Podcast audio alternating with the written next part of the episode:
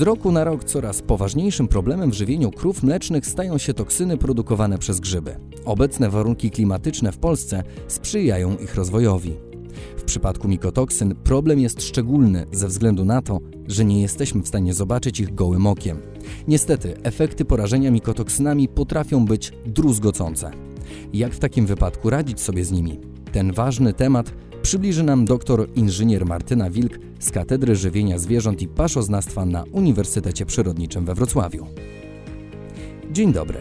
Na pierwszy ogień chcielibyśmy się dowiedzieć, czym właściwie są mikotoksyny. Dzień dobry Państwu. Mykotoksyny to toksyczne metabolity wtórne wytwarzane przez niektóre grzyby pleśniowe. W organizmie zwierzęcia toksyny te wywołują niepożądane skutki, tzw. Tak mykotoksykozy. Porażenie następuje zwykle poprzez spożycie skażonej paszy, ale może również nastąpić poprzez kontakt fizyczny, np. inhalację. W efekcie dochodzi do uszkodzenia wątroby i nerek, obniżenia odporności immunologicznej, ogólnego wyczerpania organizmu oraz szeroko zakreślonych problemów z rozrodem. Znane są setki mykotoksyn, ale niewiele z nich zostało szeroko przebadanych. Do najpowszechniej występujących grzybów zaliczamy fusarium, które wytwarzają toksynę T2, deoksyniwalenol i zearalenol. Grzyby pojawiające się w czasie przechowywania pasz to zwykle Aspergillus i Penicillium, które wytwarzają aflatoksynę i ochratoksynę. To brzmi groźnie, a przeważnie od czego się zaczyna? Jakie mogą być pierwsze objawy? Na samym początku mykotoksyny atakują głównie układ odpornościowy, przez co zwierzęta mające z nimi kontakt doświadczają rozmaitych stanów zapalnych. Jeśli zaobserwujemy w stadzie wzrost ilości krów z zapaleniem wymienia lub zapaleniem macicy, to należy sprawdzić paszę pod kątem mykotoksyn. Jakich jeszcze skutków możemy się spodziewać po zarażeniu mikotoksynami? Wbrew pozorom jest tego bardzo dużo. Mykotoksyny mogą poważnie pogorszyć funkcjonowanie żwacza poprzez zmniejszenie ilości bakterii żwaczowych, a zatem zmniejszenie aktywności żwacza. U krów pobierających paszę zawierającą szkodliwą dawkę mykotoksyn obserwuje się pogorszenie apetytu oraz spadek produkcji mleka.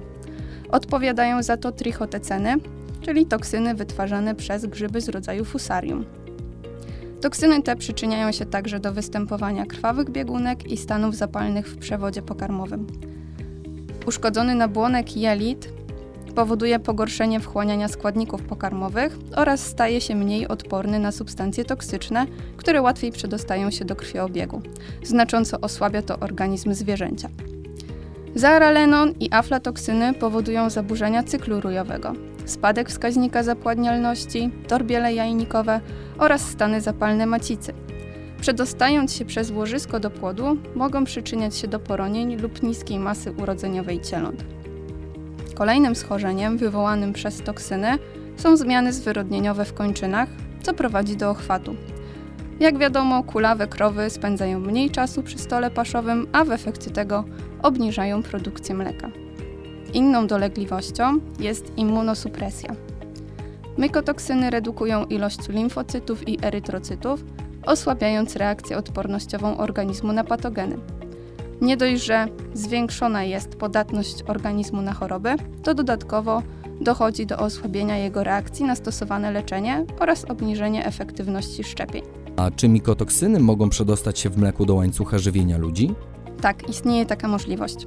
U ludzi spożywających produkty skażone mykotoksynami wymienia się m.in. choroby nowotworowe, zaburzenia w pracy wątroby, nerek, serca, osłabienie odporności organizmu, występowanie krwawień, wymiotów czy chorób skórnych. Skuteczne leczenie przeżuwaczy zatrutych mykotoksynami praktycznie jest niemożliwe, nawet przy użyciu chemoterapeutycznych leków. Pozostają więc do, do dyspozycji jedynie działania zapobiegawcze, które nie gwarantują absolutnej skuteczności, ale pozwalają na znaczące złagodzenie istniejącego problemu. To na czym w takim wypadku polega prewencja? Podstawą walki z chorobami wywołanymi przez mykotoksyny jest zapobieganie rozwojowi pleśni na wegetujących roślinach oraz zebranym surowcu. Odpowiednia ochrona roślin przed grzybami zmniejsza ryzyko wystąpienia zakażeń, zakażeń spowodowanych zaaralenonem. Do siewu należy używać niezainfekowanego grzybami materiału siewnego, odpowiednio ten materiał zabezpieczyć przed siewem oraz wykonywać opryski środkami przeciwgrzybicznymi. Na polu należy orać resztki pożniwne i stosować płodozmian. Najpopularniejszym problemem, który widuje w wielu gospodarstwach, jest niewłaściwe przechowywanie siana i słomy. Pasza jest najwyższej jakości, jednakże siano i słoma, która przecież wykorzystywana jest w każdej grupie technologicznej, są spleśniałe.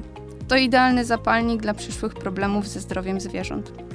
Istnieje jeszcze kolejny sposób radzenia sobie z mykotoksynami. Mhm, a jaki? Coraz popularniejsze są substancje wiążące mykotoksyny, np. Biosera Mycoprotect.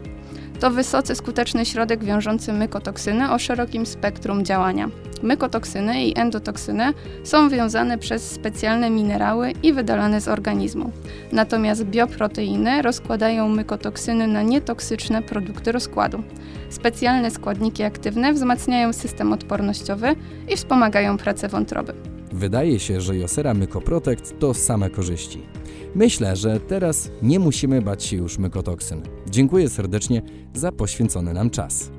Ja również dziękuję. Była to spora przyjemność móc przybliżyć ten temat naszym słuchaczom.